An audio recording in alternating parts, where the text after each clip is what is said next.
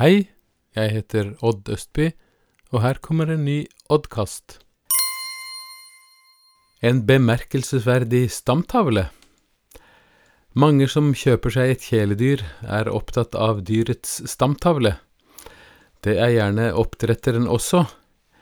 Kan man vise til gode egenskaper, godt gemytt og godt utseende, uten feil og lyte, så hjelper det på prisen. Det samme gjelder også for husdyr, enda viktigere. Husdyr som brukes i produksjon og avl. Da er det ekstra viktig at stamtavlen er god. Det er en populær syssel å drive med slektsgransking for mange. Man prøver å tegne slektstreet så langt man kan tilbake i tiden. Og det er selvfølgelig alltid stas hvis man kan finne mennesker som man slekter på som har gjort store bragder, og kanskje endatil finne at man slekter på en norsk konge. Ikke fullt så stas da, hvis man finner ut at man slekter på tvilsomme individer, forbrytere og kanskje til og med landssvikere. Man skulle tro at da Gud valgte å bli menneske, ville man i den stamtavlen bare finne prakteksemplarer, staute, flotte mennesker med sterke CV-er å vise til. Men nei da, i Jesus stamtavle finner man litt av hvert.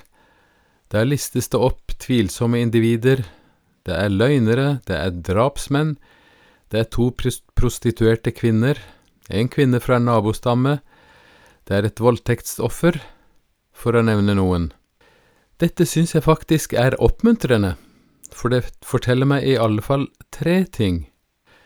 For det første tar Bibelen, vil si Gud, på alvor at verden er langt fra fullkommen og perfekt etter at de to første menneskene gjorde opprør mot Gud og brakte all slags synd og forderv inn i verden og historien.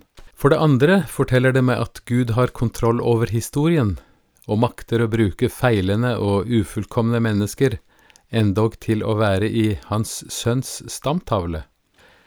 For det tredje synes jeg Jesus stamtavle faktisk er et uttrykk for hele evangeliets sannhet, nemlig slik Jesus sjøl formulerte det, Jeg er ikke kommet for å frelse rettferdige, men syndere. Derfor stusser jeg over at det later til at så mange tror at det å være kristen er å være perfekt, og enda verre, at mange kanskje tenker at de kristne kan jo umulig være fullkomne, så de er garantert hyklere.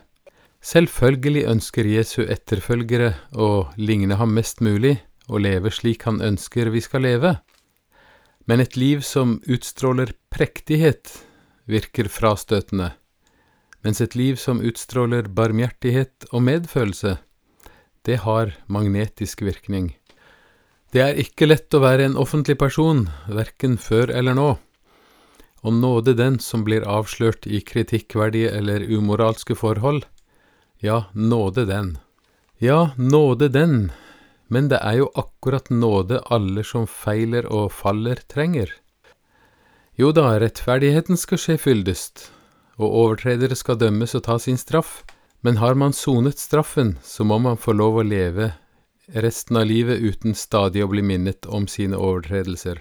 Men om våre feiltrinn og overtredelser ikke kvalifiserer til bot eller straff fra det offentlige eller fra samfunnet, så kvalifiserer de til straffedom fra Gud. Og det vi da trenger, det er nåde nettopp fra Gud.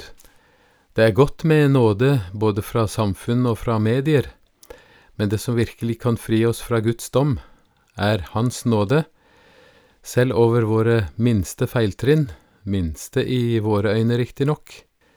Og Guds nåde, den får vi nettopp i Jesus Kristus, han som står fram som det eneste fullkomne medlemmet i enden av sin stamtavle. Når vi tror ham, så blir vi regna som like fullkomne som Jesus overfor Gud.